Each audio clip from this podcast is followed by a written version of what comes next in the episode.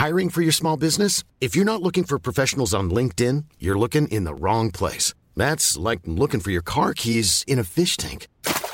LinkedIn helps you hire professionals you can't find anywhere else, even those who aren't actively searching for a new job but might be open to the perfect role. In a given month, over 70% of LinkedIn users don't even visit other leading job sites. So start looking in the right place. With LinkedIn, you can hire professionals like a professional. Post your free job on linkedin.com slash people today. Hey, it's Ryan Reynolds, and I'm here with Keith, co-star of my upcoming film, If, only in theaters May 17th. Do you want to tell people the big news? All right, I'll do it. Sign up now and you'll get unlimited for $15 a month in six months of Paramount Plus Essential Plan on us. Mintmobile.com slash switch. Upfront payment of $45 equivalent to $15 per month. Unlimited over 40 gigabytes per month. Face lower speeds. Videos at 480p. Active Mint customers by 531.24 get six months of Paramount Plus Essential Plan. Auto renews after six months. Offer ends May 31st, 2024. Separate Paramount Plus registration required. Terms and conditions apply if rated PG. Hej och välkommen tillbaka till Storytime.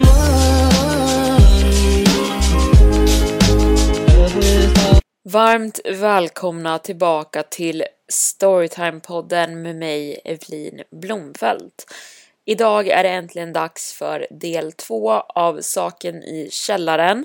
Så om ni inte lyssnade på söndagens avsnitt som jag släppte för några dagar sedan, gå och lyssna på del ett först. Den heter alltså Saken i källaren del 1. För här kommer del 2 som är sista delen. Jag hoppas att ni kommer gilla den här berättelsen. Glöm inte bort att följa podden där du lyssnar på den så att du får upp notiser varje gång jag laddar upp nytt och det sker ju på onsdagar och söndagar. Men nu så sätter vi igång. Jag backade bort från huset sakta och bestämde mig för att inte vänta kvar för att se vad som skulle hända näst. Saras tomt var inte stor och den separerades från hennes grannar med ett mesigt litet staket. Det var enkelt att hoppa över det och sen börja fly utan risken att bli sedd på vägen därifrån. Jag sprang en bit bort från huset och funderade på vad jag skulle göra först. Och jag bestämde mig för att kontakta Marcus. Men han svarade inte i telefonen. Jag ringde honom över 20 gånger. Bara för att mötas av hans röstbrevlåda. Du har ringt till Team Marcus. Jag kan inte svara just nu för jag är upptagen med annat jobb. Eller sover. Eller så är jag död. Lämna ett meddelande efter pipet så ringer jag tillbaka när jag är klar med jobbet, har vaknat eller återuppstått. Pip Hej Marcus, det är jag, Clancy. Sara börjar komma på oss. Jag är 100% säker på att hon är imitatören nu. Jag flyttar därifrån. Ring tillbaka så fort du kan. Och bara för att vara säker smsade jag honom också. Sara är oss på spåren. Ring så fort du kan. Och när jag var klar med det så behövde jag bara bestämma vart jag skulle gömma mig. Jag bodde fortfarande hos mina föräldrar som sagt. Och deras hus var inte ens ett alternativ. Det skulle vara alldeles för uppenbart och det första stället som Sara skulle leta efter mig på. Men desto mer jag tänkte på det, desto mindre val hade jag. Jag hade ingenstans att ta vägen själv. Och alla mina vänner bodde antingen också hemma eller i studentlägenheter som var alldeles för små för att jag skulle kunna bo där också. Jag suckade och bestämde mig för mitt enda alternativ var att bege mig hem. Jag hade trots allt sagt åt henne att pappa var bortrest och det kanske fick henne att avvakta från att åka dit. Mina föräldrars hus var på helt andra sidan stan, så det skulle i alla fall skapa avstånd mellan mig och Sara för stunden. Det tog mig en och en halv timme att gå till fots hem till mina föräldrars hus. Jag försökte ringa pappa, men han svarade inte i sin telefon. Det gick också till röstbrevlådan direkt och samma med mamma och hon om någon brukar svara i sin telefon direkt. Till och med när hon är på jobbet. Jag försökte ringa båda om och om igen på vägen utan någon framgång överhuvudtaget. Nåväl, jag får släppa in mig själv då. Vi hade placerat en sten väldigt lägligt en bit ifrån ytterdörren med en extra nyckel under. Men när jag lyfte upp den så märkte jag till min förvåning att den var borta. Vad fan? De där nycklarna brukade alltid ligga där. Pappa var extremt noga med det. Jag kände ett tillsting av panik krypa igenom min kropp när jag direkt började tänka på Sara. Hade hon varit här och tagit nycklarna in till huset? Nej, så kunde det inte vara. Jag hade haft koll på henne hela tiden ända sedan hon kom tillbaka. Om inte inspelningen hade ju slutat mitt i natten. Var det här hennes plan? Hade hon skyndat sig till huset för att ha nycklarna medan jag sov? Men det kändes också helt ologiskt. Nej, jag måste lugna ner min paranoia vid det här laget. Någon måste bara glömt att lägga tillbaka dem där de ska ligga. Min telefon började ringa efter en stund. Jag tänkte svara, men jag lät bli. Samtalet gick till röstbrevlådan och jag höll andan medan jag väntade på vem det skulle vara som hade ringt mig. Hej, det är Amy. Vart är du? Sara är orolig för dig. När man talar om trollen, mumlade jag för mig själv. Och som tur var så försökte de inte nå mig en gång till. Så jag väntade på verandan på att antingen mamma eller pappa skulle komma hem och släppa in mig medan jag tänkte ut vilken historia jag skulle berätta för dem när de väl kom. Men ingen kom hem. Jag väntade en halvtimme, som blev till en timme, som blev till en och en halv och ingen av dem kom hem. Jag kollade på min telefon. Klockan var fem på eftermiddagen. Vilken minut som helst nu, tänkte jag för mig själv. Medan jag väntade försökte jag ringa Marcus om och om igen. Jag hade nog ringt honom ungefär 50 gånger nu, men jag fick fortfarande inget svar. Någonting var fel. Väldigt, väldigt fel. När klockan började närma sig åtta på kvällen och ingen fortfarande hade svarat i sina telefoner så bestämde jag mig för att bryta mig in i mitt eget hus. Jag lyfte upp en av stenbumlingarna vi hade som dekoration utanför huset och slog sönder ett av fönstren på undervåningen. Jag kröp in och väntade mig nästan att se mina föräldrar sitta och vänta på mig inne i mörkret eller att hitta deras kroppar. Men huset var helt tomt. Resten av kvällen spenderade jag i total tystnad och panik. Jag kollade ut genom fönstret hela tiden och förväntade mig att Sara och Amy skulle dyka upp knackandes utanför. Men det gjorde de inte. Jag låste allting jag kunde i huset för att barrikera utifall de skulle dyka upp. Sen gick jag in i garaget för att hämta någonting som jag kunde försluta fönstret jag hade slagit sönder med. Och medans jag stod och spikade fast en planka för hålet jag hade skapat så plingade äntligen min telefon till. Jag kan inte ringa, jag är på väg tillbaka nu. Jag gav fallet jag höll på med till en annan monsterjägare. Håll ut tills jag kommer imorgon. Tack gud, tänkte jag för mig själv medan jag kände en våg av lättnad skölja över mig. Marcus skulle komma och hjälpa mig och han skulle veta exakt vad vi skulle göra näst. Han skulle fixa allting och efter det skulle jag kunna återgå till mitt liv som normalt. Och en liten stund smälte jag nästan iväg av lättnad. Men låt mig säga att min lättnad blev kortlivad när jag ringde mina föräldrar ännu en gång. Den här gången från insidan av huset och hörde ringsignaler komma från övervåningen. Jag följde ljudet av ringsignalen upp för trapporna och mot mina föräldrars sovrum. Jag placerade handen på dörrhandtaget in i sovrummet och förberedde mig på det allra värsta. Jag föreställde mig att de låg där inne döda båda två och jag började skaka in i märgen av tanken. Kom igen, befallde jag min egen kropp. Jag blundade, drog ett djupt andetag och öppnade dörren.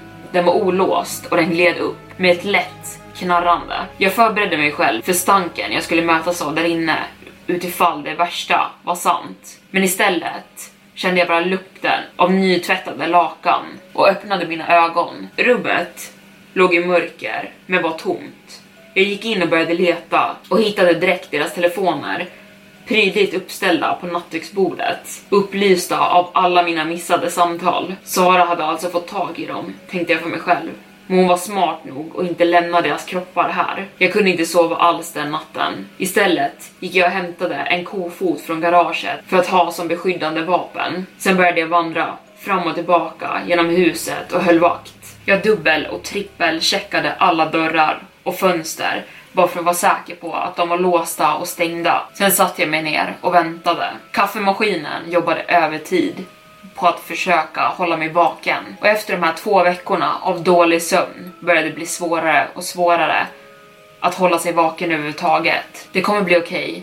Allting kommer bli okej. Okay sa jag för mig själv medan jag höll på att få panikattack på panikattack. Jag måste bara hålla ut tills imorgon när Marcus kommer. Han kommer ordna allting och sen kan jag sova i tre dagars sträck om jag så vill. Och det är så jag spenderade mestadels av natten med att intala mig själv lugnande saker och försöka hålla mig vaken. Medan jag greppade hårt i kofoten och hoppade till av varje litet ljud jag hörde utifrån. Min natt kom och gick och jag fann mig själv med att sitta och nästan slumra till i mikrosömn hela tiden. Kom igen nu, uppmanade jag mig själv. Håll dig vaken för guds skull. Mitt huvud föll åt ena sidan och jag började inse att det skulle bli svårt att hålla mig vaken genom natten. Så jag gjorde det mest rationella beslutet jag kunde tog tag i kofoten och bankade den ner hårt mot min fot. Smärtan sköt genom kroppen och jag studsade upp och började vandra runt i huset. Om jag fortsatt att gå omkring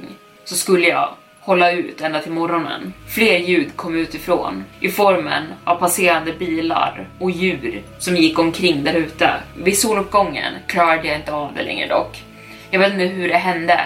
Jag måste bara ha svimmat av av tröttnaden men jag vaknade mitt på vardagsrumsgolvet ihopkurad i fosterställning. Det var min mobil som ringde som väckte mig till slut och jag flög upp på fötter och jag trodde mitt hjärta skulle rymma från min bröstkorg av skräck. Ni vet säkert känslan av att väckas väldigt plötsligt av ett högt ljud. Jag kollade min telefon och såg att det var Amys nummer. Jag ville egentligen bara kasta in min mobil i väggen men sen insåg jag snabbt att det var, mitt enda sätt att hålla kontakt med Marcus och lät bli. Samtalet gick till röstbrevlåda och sen fick jag ett sms kort på. Vart är du Clancy? När jag inte svarade fick jag ett till. Du sa att du ville prata när Sara inte var i närheten, så säg som att vi träffas någonstans. Bara vi två. Och det smset kändes väldigt mycket som en fälla. Jag ville egentligen inte svara, men jag påminner mig själv om att Amy kanske var ett offer för Sara hon också. Jag kanske fortfarande kunde övertala henne och få henne på min sida. Om jag träffade henne. Vart? svarade jag tillbaka. Vart du vill. Säg ett ställe så träffas vi där. Det var lite lättande att hon skrev så. Hon skulle inte erbjudit mig att välja platsen om det var en fälla. Jag smsade tillbaka namnet på en litet lunchställe mitt inne i stan och sa åt henne att träffa mig där om en timme. Det skulle ge mig tillräckligt mycket tid att ta en dusch åka och köpa cigaretter innan jag skulle träffa henne. Jag tog en iskall dusch för att väcka mig ordentligt och få mig att bli mer klartänkt. Jag kände mig lite mer återställd när jag var klar i duschen och klädde på mig nya kläder. Sen drog jag iväg iväg mot affären först för att köpa ett paket cigaretter. Det var samma lilla shop jag hade handlat i när jag bodde hemma hos Sara men den låg nära lunchstället jag bett Amy att träffa mig på. Jag kände paranoian komma krypandes sekunden jag satt min fot inne i butiken, som att jag var övervakad. Du är paranoid igen, sa jag åt mig själv. Damen i kassan hälsade god morgon och vi småpratade lite medan jag betalade. Jag sträckte mig ner i fickan för att ta fram min plånbok för att betala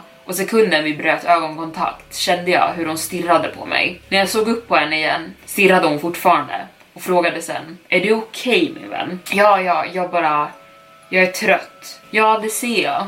Du ser helt slut ut. Du är så ung, du borde ta bättre hand om dig själv, sa hon. Nästan på ett sånt sätt som en farmor pratar med sina barnbarn. Det ska jag, försäkrade jag henne om. Jag går bara igenom någonting lite jobbigt just nu. Jag betalade, greppade tag i cigarettpaketet och lämnade butiken. Ha en bra dag, ropade hon efter mig. Jag vet inte om mina öron spelade mig ett spratt, men jag kunde nästan höra hur hennes röst krackelerade lite när hon sa det där sista och det fick en kall kår att skjuta längs min ryggrad och jag kände adrenalin fylla min kropp när jag snabbt gick ifrån affären. Jag försökte mitt bästa att lugna ner mig och intala mig själv om att jag inbillade mig saker medan jag gick mot lunchstället för att träffa Amy. Men jag misslyckades miserabelt med att släppa mötet med den gamla damen i affären. Det stannade med mig och jag spelade om hur hennes röst hade låtit om och om igen i mitt huvud på vägen dit. Var Sara den enda imitatören eller fanns det fler av dem? Tittade de på mig medans jag gick här? Jag slog till mig själv när jag insåg hur absurd jag började låta och tvingade bort tankarna.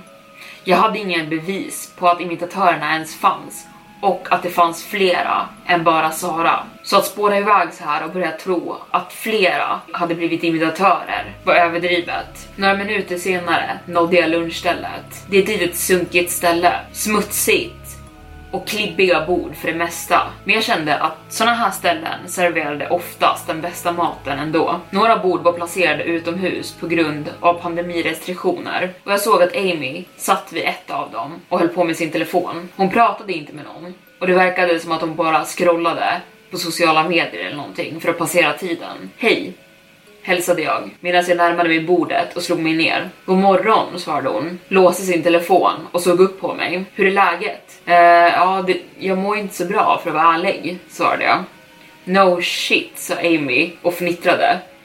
Jag menar, ta inte illa vid dig, men du ser ut som skit. Jag släppte ut ett obekvämt skratt och kliade mig i mitt bakhuvud. Ja, ja, jag vet. Jag är inte så här vanligtvis. Men de senaste veckorna har varit tuffa och väldigt stressiga. Jag kan tänka mig det. Så vart är Sara? Hon är hemma och sover. Hon var uppe största delen av natten och oroade sig för dig, sa Amy med en gnutta irritation i rösten. Berättade du för henne att du skulle träffa mig? frågade jag. Nej, svarade Amy.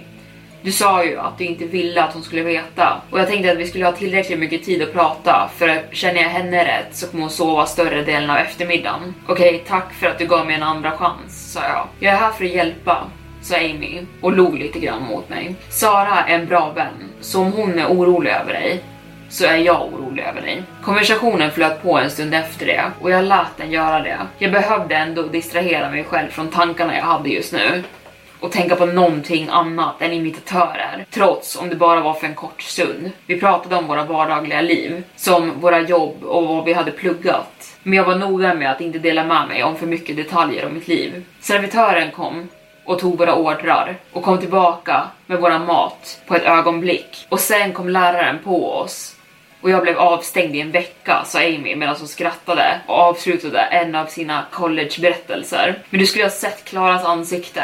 Det var så värt det. Det tog henne förmodligen en månad att städa upp all skit vi hade kastat på hennes vindruta. Jag slog vad om att hon inte retades mer, mer efter det, instämde jag med ett skratt. Det kan du slå vad om. Hon undvek oss som pesten. Amy skrattade till för det var fortfarande lite stel stämning mellan oss. Men det började värma upp sig, så jag tog min chans och sa så, eh, angående Sara. Amys leende dog ut helt när jag nämnde hennes namn. Ja, vad är det angående henne?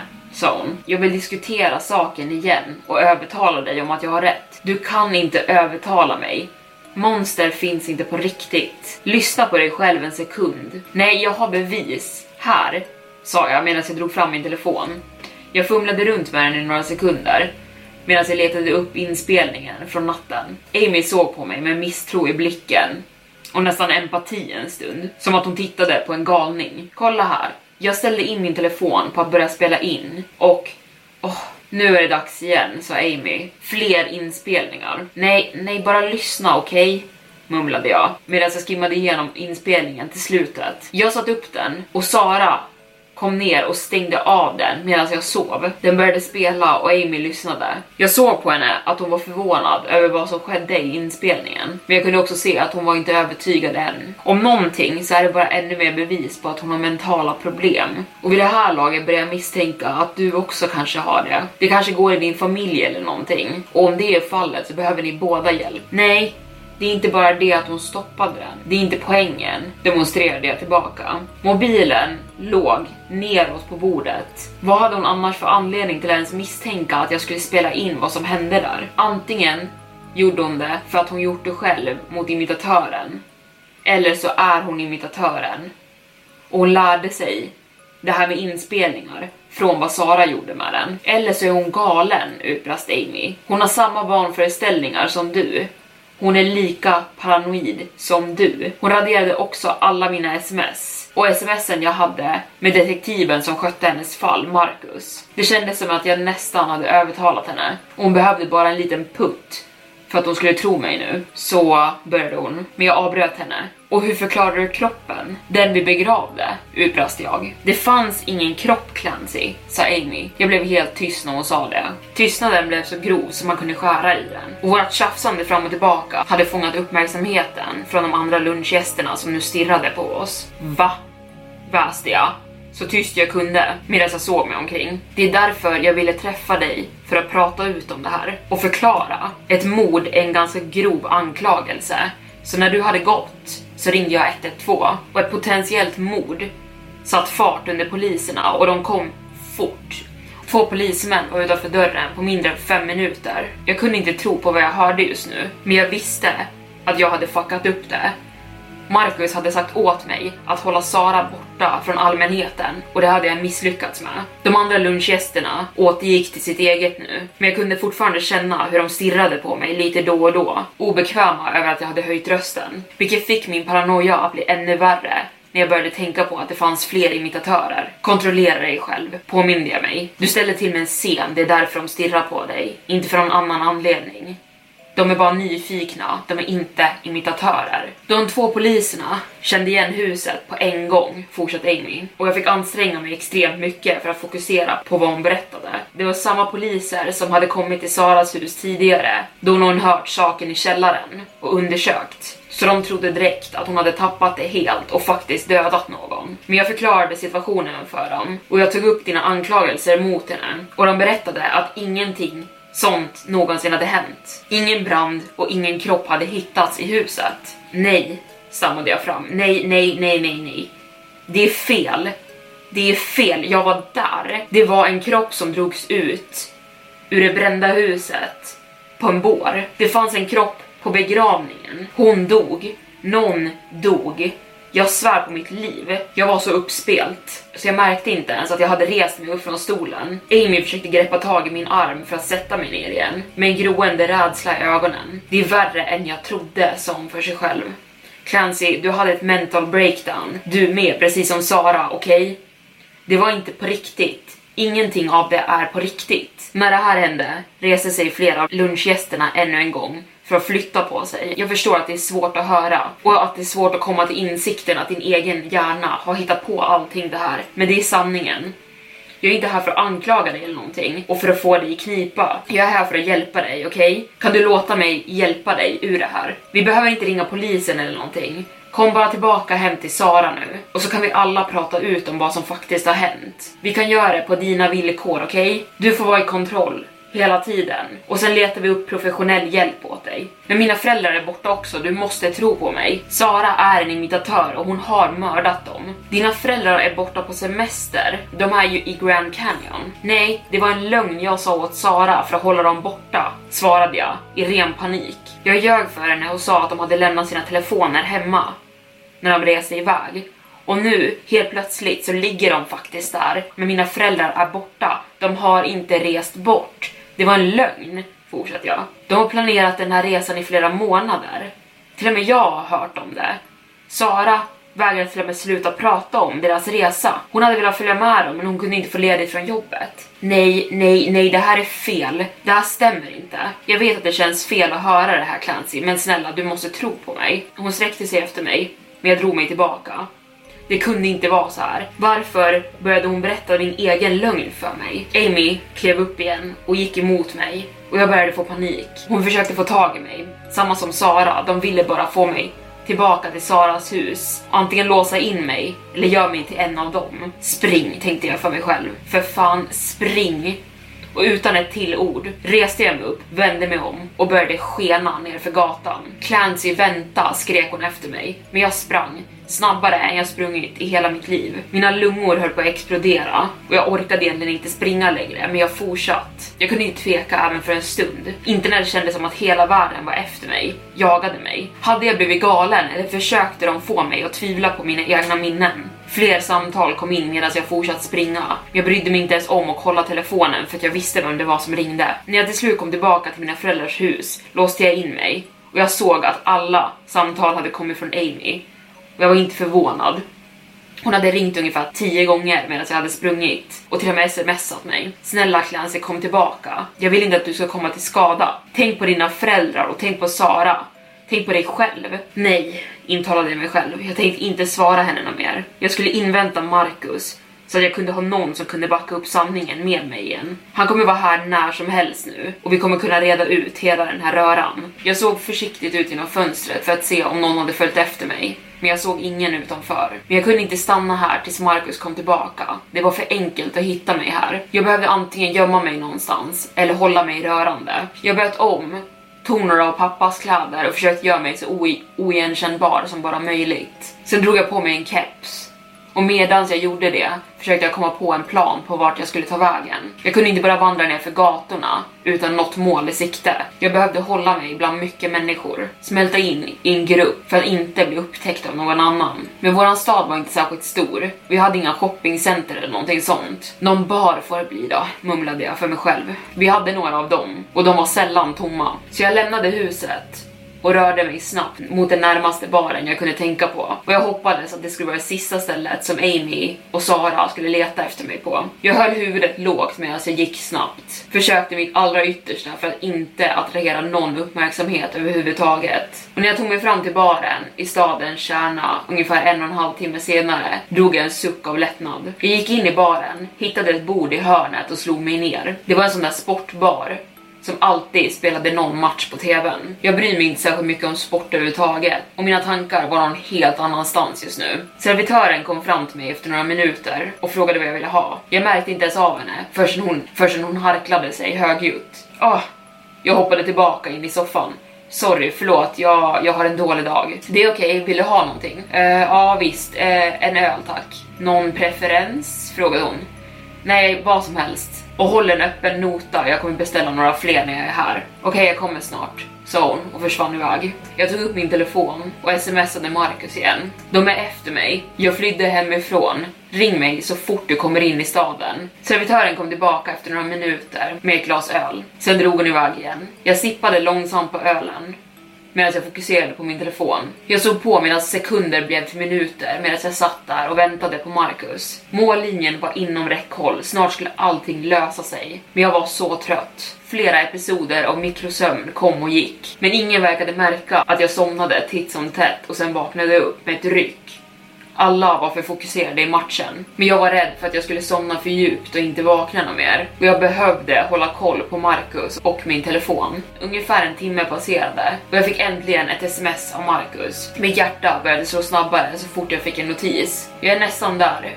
Jag kommer förmodligen dyka upp innan solen går ner. Jag kände lättnaden skölja över mig och solnedgången var inte långt borta nu med tanke på att det var vinter och så. Jag behövde bara hålla mig i fyra eller fem timmar tills han skulle vara här. Jag kände mig inte bevakad i den här sportbaren. Det kändes inte som att någon tittade på mig här och jag kände mig säker. Allt jag behövde göra nu var att hålla mig vaken. Amy försökte kontakta mig flera gånger medan jag satt i baren. Fler sms och samtal dök upp hela tiden, men jag svarade inte. Jag kan sammanfatta alla smsen med att hon i princip tjatade om hur orolig Sara var. Tiden började flyga förbi och innan jag ens märkte det så var det kolsvart där ute. Då började min telefon ringa igen och till min lättnad så var det Marcus. Kan du komma med notan tack? ropade jag åt servitrisen. Hej, hur går det? Hur mår du? frågade Marcus direkt. Jag är trött och väldigt paranoid, men annars går det väl bra. Bra. Eh, jag kanske behöver ha din hjälp hela natten om det är okej. Okay. Servitrisen kom över med notan. 250 kronor för några enstaka öl. Ja, men det går bra. Jag vill bara få det här överstökat, sa jag till Marcus medan jag drog fram 300 kronor och så åt servitrisen att behålla dricksen. Vad var det där, sa han. Ingenting, oroa dig inte. Jag reste mig upp från bordet. There's never been a faster or easier way to start your weight loss journey than with plush care. PlushCare accepts most insurance plans and gives you online access to board-certified physicians who can prescribe FDA-approved weight loss medications like Wigovi and Zepbound for those who qualify. Take charge of your health and speak with a board-certified physician about a weight loss plan that's right for you. Get started today at plushcare.com slash weight loss. That's plushcare.com slash weight loss. plushcare.com slash weight loss. Hey there, it's Michelle Norris. I'm host of a podcast called Your Mama's Kitchen. When I travel, I'm usually looking for a way to find a taste of home when I'm not at home. And one of the things I love to do when I am at home is entertain. And Airbnb allows me to do that. When I was in California recently, I rented a house that had a great kitchen. And when we were sitting around the table, we we're all thinking, we're in someone else's house. Someone could be in all of our homes as well. If you have a home, but you're not always at home, you have an Airbnb. Your home might be worth more than you think.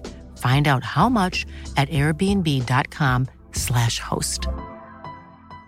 I'm Sandra, and I'm just the professional your small business was looking for. But you didn't hire me because you didn't use LinkedIn jobs. LinkedIn has professionals you can't find anywhere else, including those who aren't actively looking for a new job but might be open to the perfect role, like me. In a given month, over 70% of LinkedIn users don't visit other leading job sites. So if you're not looking on LinkedIn, you'll miss out on great candidates like Sandra. Start hiring professionals like a professional. Post your free job on linkedin.com/people today. Hey, it's Ryan Reynolds, and I'm here with Keith, co star of my upcoming film, If, only in theaters, May 17th. Do you want to tell people the big news? All right, I'll do it. Sign up now and you'll get unlimited for $15 a month in six months of Paramount Plus Essential Plan on us. Mintmobile.com slash switch. Upfront payment of $45 equivalent to $15 per month. Unlimited over 40 gigabytes per month. Face lower speeds. Videos at 480p. Active Mint customers by 531.24 get six months of Paramount Plus Essential Plan. Auto renews after six months. Offer ends May 31st, 2024. Separate Paramount Plus registration required. Terms and conditions apply if rated PG. och började gå mot utgången av baren. Vart vill du att vi ska mötas upp? frågade jag honom. Okej, låt oss vänta en sekund. En polisbil körde just upp på vägen precis bakom mig. Jag tror de vill att jag ska stanna på vägrenen. Fan, körde du för snabbt? Vi har ju verkligen inte tid för att du ska få en böter just nu, suckade jag. Nej, det gjorde jag inte. Det... Marcus avbröts av en hög krasch. Det lät som metall som böjde sig och glas som gick sönder. Nästan öronbedövande i telefonen. Vad fan? De körde rakt in i mig, skrek Marcus. Herregud, du måste därifrån. Jag försöker, men de är rakt på mig. De försöker köra av mig av vägen. En till krasch, ännu högre. Marcus svor i bakgrunden och jag hörde hur däcken började slira mot asfalten under bilen. Jag vet inte vad som försiggår, jag ringer tillbaka. Nej, vänta, försökte jag protestera, men han klickade mig. Jag stod i chock. Vad sjutton var det som hände? Jag lämnade baren, tände upp en cigarett och började gå fram och tillbaka för att lugna ner mina nerver. Marcus var så nära. Han var precis runt hörnet. Han kunde inte misslyckas nu. Han kunde inte misslyckas med att ta sig fram till mig. Nej, han skulle ta sig därifrån. Han skulle nå mig. Och det skulle bli bra. Ja, ja, han, han klarar sig. Han är för sjutton en monsterjägare.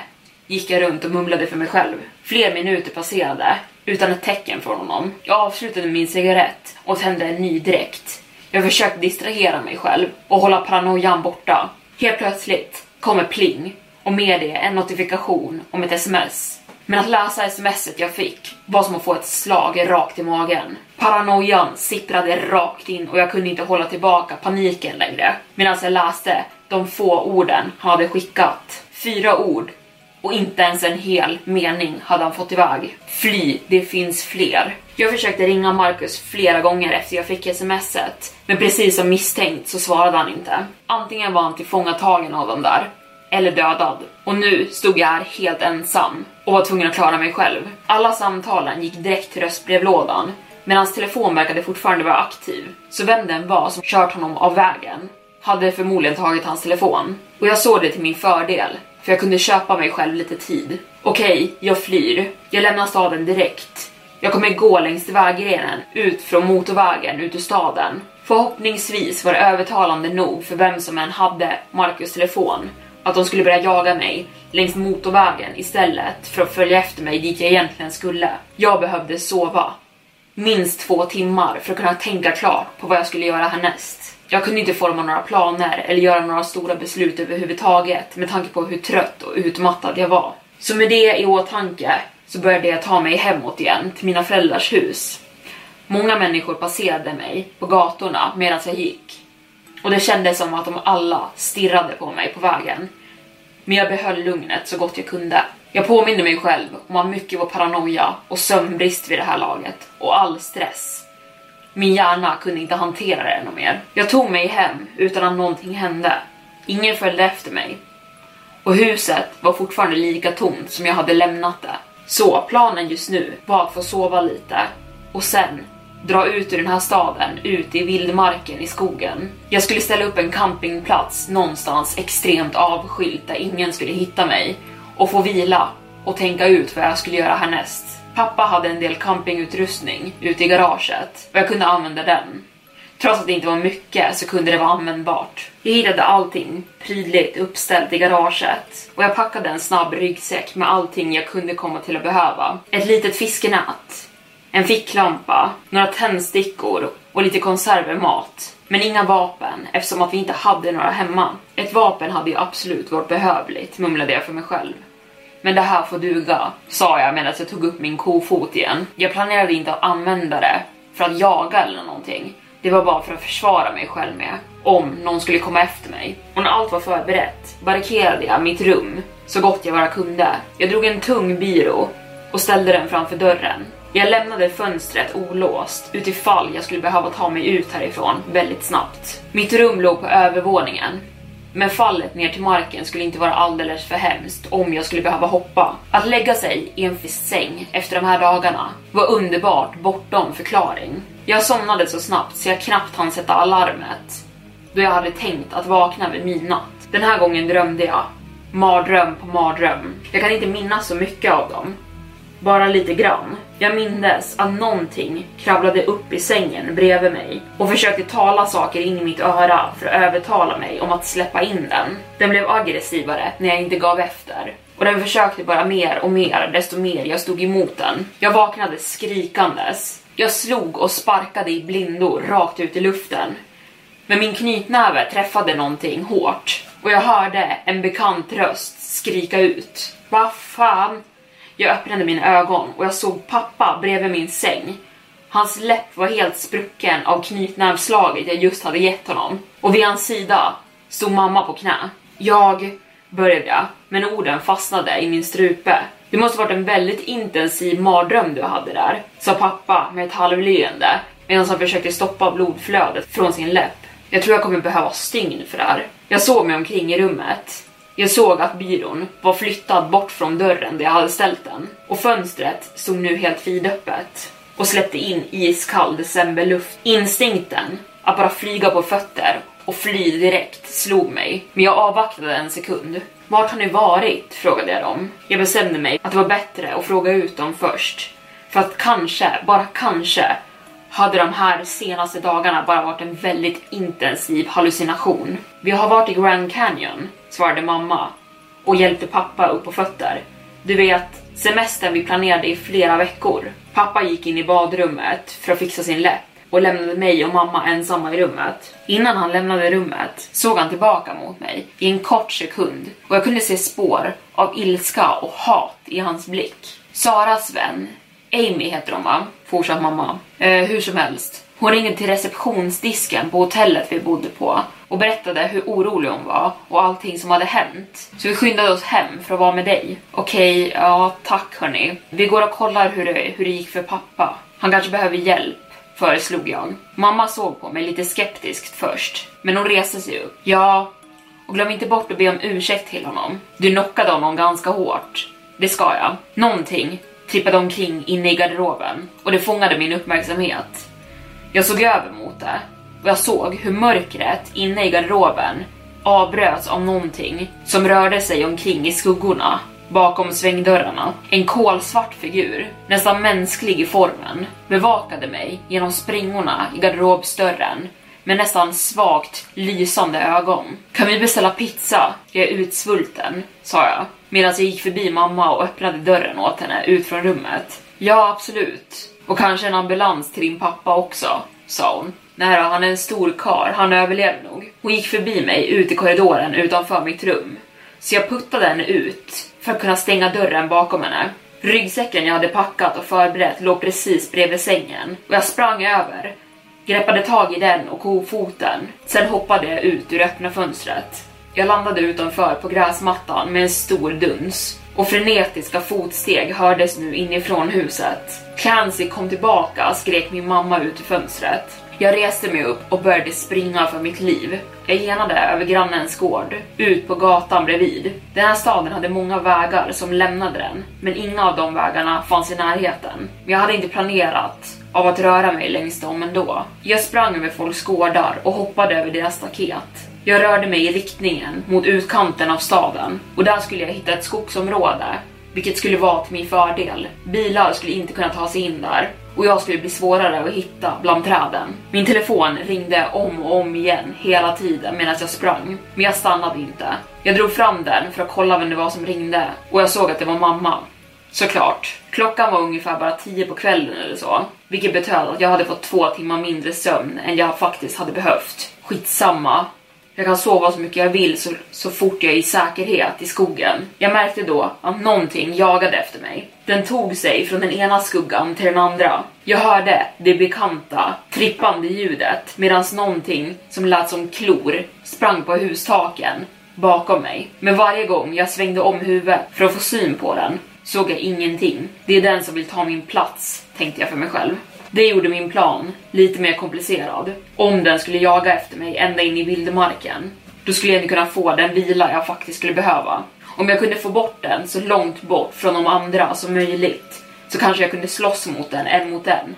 Jag menar, hur stark skulle den kunna vara om den inte ens kunde bryta ner en ynka källardörr tidigare? Min sprint tog mig till utkanten av staden på ungefär 10 minuter och jag kunde redan se skogen när jag var några gator bort. Jag hoppade ut från den sista gården jag behövde passera bara för att mötas av en polisbil och dess strålkastare rakt i mitt ansikte. Den hade inte sirenerna på, men jag såg hur framänden av bilen var helt inbucklad, precis som att de hade kört in i någonting väldigt nyligen.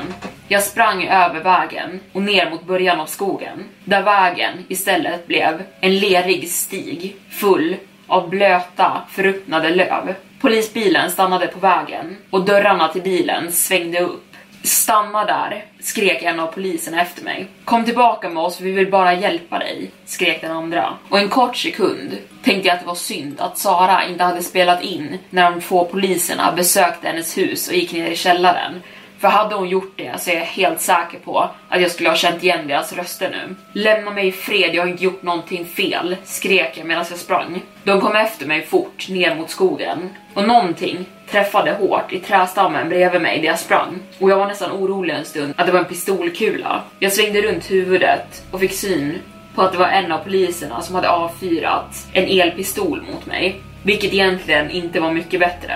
De sprang efter mig i några hundra meter och jag kunde inte bli av med dem. Jag försökte att ducka undan och byta riktning och göra allt i min makt för att de skulle tappa bort mig. Ingenting fungerade. De visste exakt vart jag tog vägen och vart jag befann mig hela tiden. Och det kändes som att jag hade två blodhundar efter mig, inte människor. Efter några minuter av flykt började de komma ikapp mig snabbt. Jag är inte speciellt atletisk av mig och jag har inte särskilt bra kondition. Och jag var utmattad redan som det var innan den här jakten. Jag kunde inte springa ifrån poliserna.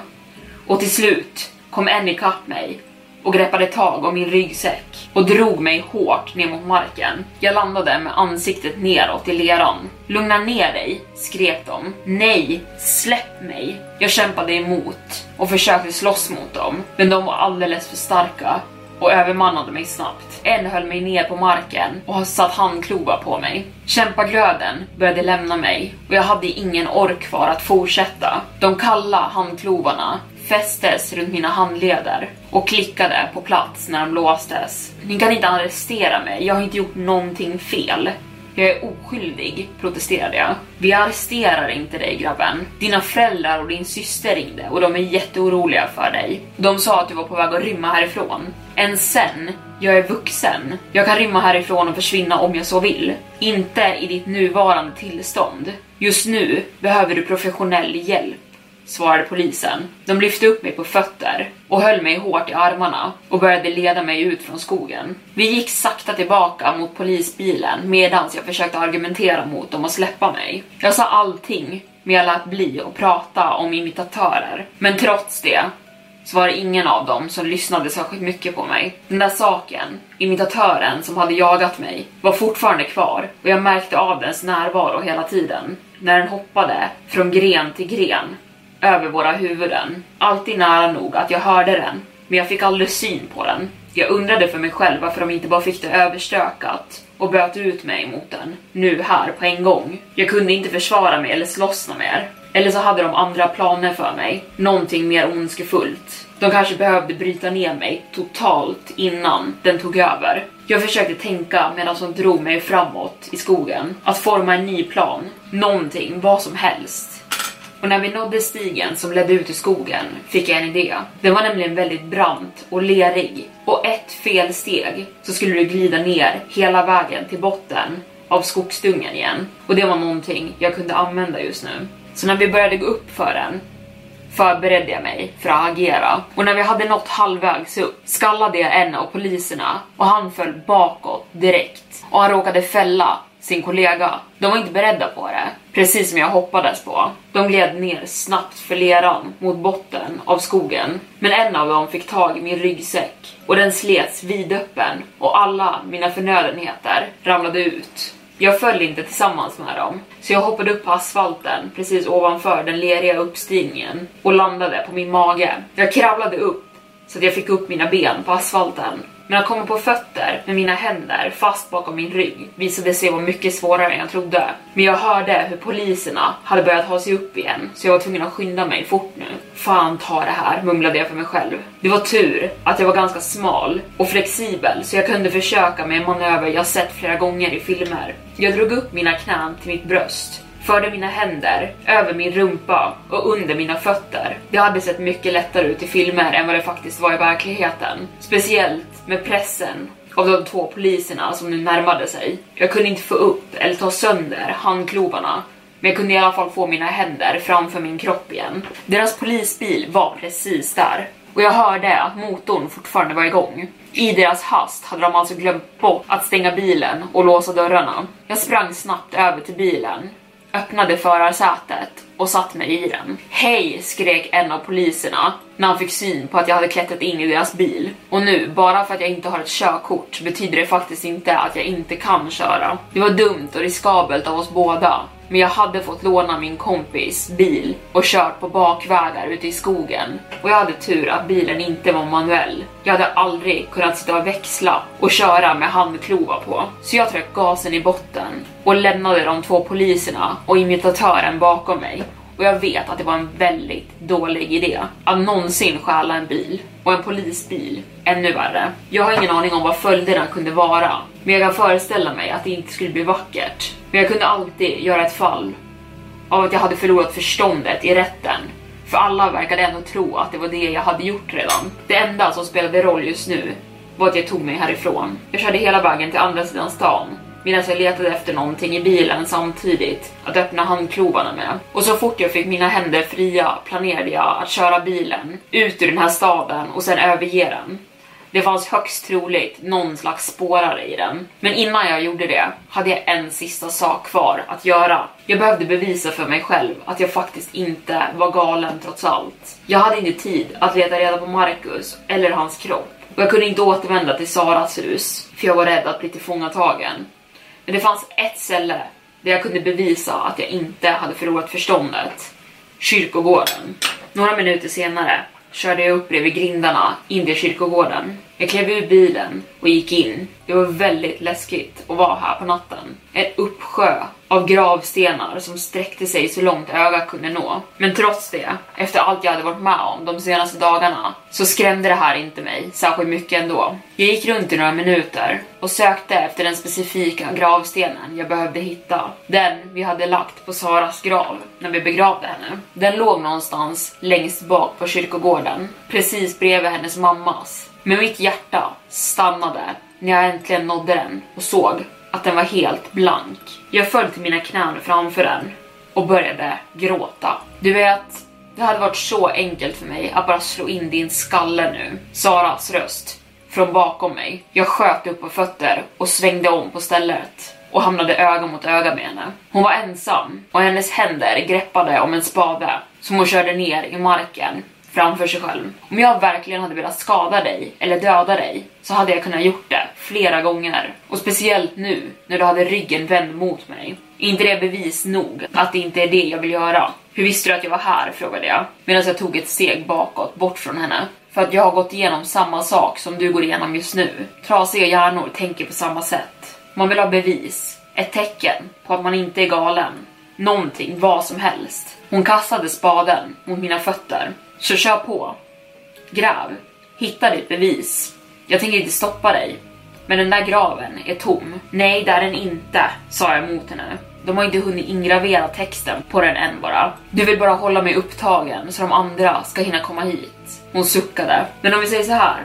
Om du är så säker på att jag är imitatören, slå ner mig med spaden. Jag kommer inte slå tillbaka. Hon sträckte ut sina armar och vände ryggen mot mig. Jag lyfte spaden från marken. Men jag kunde inte göra det. Men vad fan, skrek jag och kastade iväg spaden. Varför försöker du driva med mig? Varför inte bara erkänna och visa dina sanna färger? Varför inte bara döda mig som du dödade Marcus? Sara tog ner sina armar och vände sig om. Marcus, frågade hon och hon såg genuint förvånad ut. Marcus, monsterjägaren. Sluta lek lekar med mig. Det kommer inte fungera. Clancy, det fanns aldrig någon Marcus eller någon monsterjägare. Jag drog ut min telefon ur fickan för att motbevisa henne, för att göra slut på hennes charad. Hon såg på mig intensivt, men hon gjorde ingenting för att stoppa mig. Jag sökte överallt på min telefon. Alla sms och alla samtal, men jag kunde inte hitta Marcus nummer eller sms någonstans. Och när det svek mig drog jag fram min plånbok för att leta efter hans business card. Men det var borta, det med. Och vid det här laget gav jag bara upp. Vad mer kunde jag göra? Hur kunde jag bevisa mig själv? Hur kunde jag bevisa för någon annan att jag inte hade blivit galen? Det kunde jag inte. Visst, jag kunde skylla Marcus försvinnande kort på att mina föräldrar hade tagit det när jag sov. Men det hela började kännas ologiskt. Jag orkade inget mer. Amy kanske hade haft rätt. Jag kanske hade blivit galen. Och det kanske gick i min familj. Det hade börjat med Saras mental breakdown som hade lett till mitt eget. Kom igen nu, vi åker hem, sa Sara. Du kan sova, du kan rensa dina tankar och sen kan vi börja leta efter hjälp åt dig imorgon. Hur låter det? Det låter bra, sa jag tvekande. Hon gick först och jag följde efter henne mot utgången av kyrkogården. Varje steg kändes fel. Det kändes fel hela tiden. Men jag orkade inte kämpa emot något mer. Och trots om jag skulle fly nu, hur långt skulle jag hinna fly? Jag hade för 17 snott en polisbil. De skulle leta efter mig överallt. Jag ville bara att allting skulle vara över vid det laget. Poliserna ringde oss när du snodde deras polisbil, sa Sara medan vi gick mot utgången. Fan, nej hör på. De ringde oss och vi pratade och de gick med på att inte anmäla händelsen på ett villkor. Vi återlämnar deras bil och du ska söka hjälp omedelbart. De är inte elaka och de förstår att du har gått igenom mycket på senaste. De är villiga att ge dig en andra chans. Oj, det var snällt av dem, sa jag. Jag får gottgöra dem så fort jag kan. Det får du, sa Sara. Och oss också. Det har varit väldigt påfrestande för oss också. Jag vet, jag är ledsen för det. Sara log. Ett brett, genuint leende. Ursäkten godtas. Det börjar bli så illa dock, erkände jag. Jag känner mig bevakad hela tiden. Till och med nu. Jag hör hur din röst krackelerar. Jag hör hur din röst krackelerar också, Clancy. Så välkommen till imitatörsklubben antar jag. Jag skrattade och vi lämnade kyrkogården och hittade de två poliserna utanför. Jag bad om ursäkt flera gånger och de sa att det var okej okay. och det var över nu. De tog tillbaka sina nycklar och sen åkte de därifrån. Vi åker tillbaka till mitt hus förresten, sa Sara. Mamma och pappa körde dit när du drog och de väntade på att vi ska komma tillbaka. Resten av bilturen var tyst och när vi väl kom fram så visade det sig att pappas bil stod på uppfarten, precis som Sara hade sagt. De sprang ut ur huset så fort de såg oss och kramade om mig hårt. Mamma kramade om mig och grät. Genom lite andrum hörni, sa Sara. Och du, du måste sova omedelbart, sa hon till mig. Du kommer må mycket bättre på morgonen. Det kändes så konstigt att kliva in i Saras hus igen. Jag menar, jag hade inte varit borta härifrån länge, men det kändes som en evighet sen jag hade flytt härifrån. Mitt liv hade förändrats så mycket över natten och jag hade gått igenom en hel del på bara några dagar. Och jag var både fascinerad och skärrad över situationen. Så det där är vad som startade allt, sa pappa med ett ledset leende medan han såg mot källardörren. En jäkla källare av alla saker i världen, fortsatte han medan han såg mot Sara nu. Du var alltid rädd för mörkret när du var liten. Var jag? sa hon och skrattade till. Jag kommer inte ihåg. Jag var alltid tvungen att kolla in i din garderob innan du skulle sova. Efter monster, tills du fyllde 10 år, sa pappa med ett skratt. Jag antar att det var ganska läskigt, sa Sara och gick sen mot källardörren. Men det finns ingenting där nere nu. Kolla, sa hon åt mig. Jag anslöt mig till henne bredvid källardörren hon tryckte på lysknappen och ljuset tändes. Det var ett normalt rum. Ingenting konstigt med det. Väggarna och taket var inte längre förkolnade av branden och det fanns inte ens ett spår av sot. Till och med betonggolvet var fläckfritt. Att tänka sig att vi blev helt galna på grund av lite mörker va? Sa jag medan jag kollade ner i källaren. Eller hur? Fortsatte jag. Men Sara svarade mig inte. Ingen gjorde det. Rummet blev helt plötsligt tyst och jag kände händer putta hårt på min ryggtavla och jag föll ner, rakt ner för trapporna mot källargolvet och jag skrek när jag landade hårt på betongen. Samtidigt smälldes dörren till källaren igen och jag sprang upp för trapporna och började banka på den. Jag hörde klicket av att någon låste in mig och sen hur någon tryckte på lysknappen för att lämna mig i totalt mörker. Jag litade på dig, skrek jag och började banka vildsint på dörren. Jag är inte galen. Ni är imitatörer. Ni alla är det. Jag visste det. Jag fortsatte att banka på dörren och skrek åt dem att de skulle släppa ut mig. Men ingen svarade. Inte ett enda ord kom utifrån. De jävlarna kunde inte ens ge mig ett rakt och ärligt svar. Jag skrek tills min strupe gjorde ont. Jag slog och sparkade på dörren, men den vägrade ge vika och mina händer blev blodiga. De hade fått tag på mig till slut. Snälla, sa jag i en raspig, hes röst medan jag föll ner på mina knän. Är någon, är någon där? Sara öppnade dörren, men det hände ingenting. Jag väntade i flera timmar, men jag hörde inte ett ljud från övervåningen. De hade bara lämnat mig nere här. Jag försökte sova, att få vila lite till slut i alla fall, men jag kunde inte ens göra det. Jag är ensam här nere i rummet, så mycket vet jag. Men det känns som att jag har ögon på mig så fort jag blundar. Det här måste vara slutet för mig. Jag kan inte fortsätta så här för alltid. Jag blir tröttare och hungrigare här nere. Och så fort jag kollapsar, då tar de mig och byter ut mig. Det är jag säker på. Jag kommer bli ännu en av de där sakerna. Eller så kommer den bara sno mitt utseende och låtsas redan vara jag där uppe. De där sakerna tar över hela den här staden. Jag kan inte fly härifrån. Allt jag kan göra är att varna dig. Håll dig borta från den här platsen. Och vad du än gör, lita aldrig mer på ett enda ord jag säger. Jag kan vara en av dem nu. Och med det så har vi nått slutet på den här berättelsen Saken i källaren. Jag hoppas ni har tyckt om den här lilla serien. Jag delade ju som sagt upp den i två delar just på grund av att den är så pass lång. Hade jag satt allt i ett enda avsnitt hade det blivit två timmar. Men jag hoppas att det gick bra så här och eh, vi hörs igen på söndag med ett helt nytt avsnitt. Och tills dess vill jag bara tacka för att ni har lyssnat denna gång. Hej då!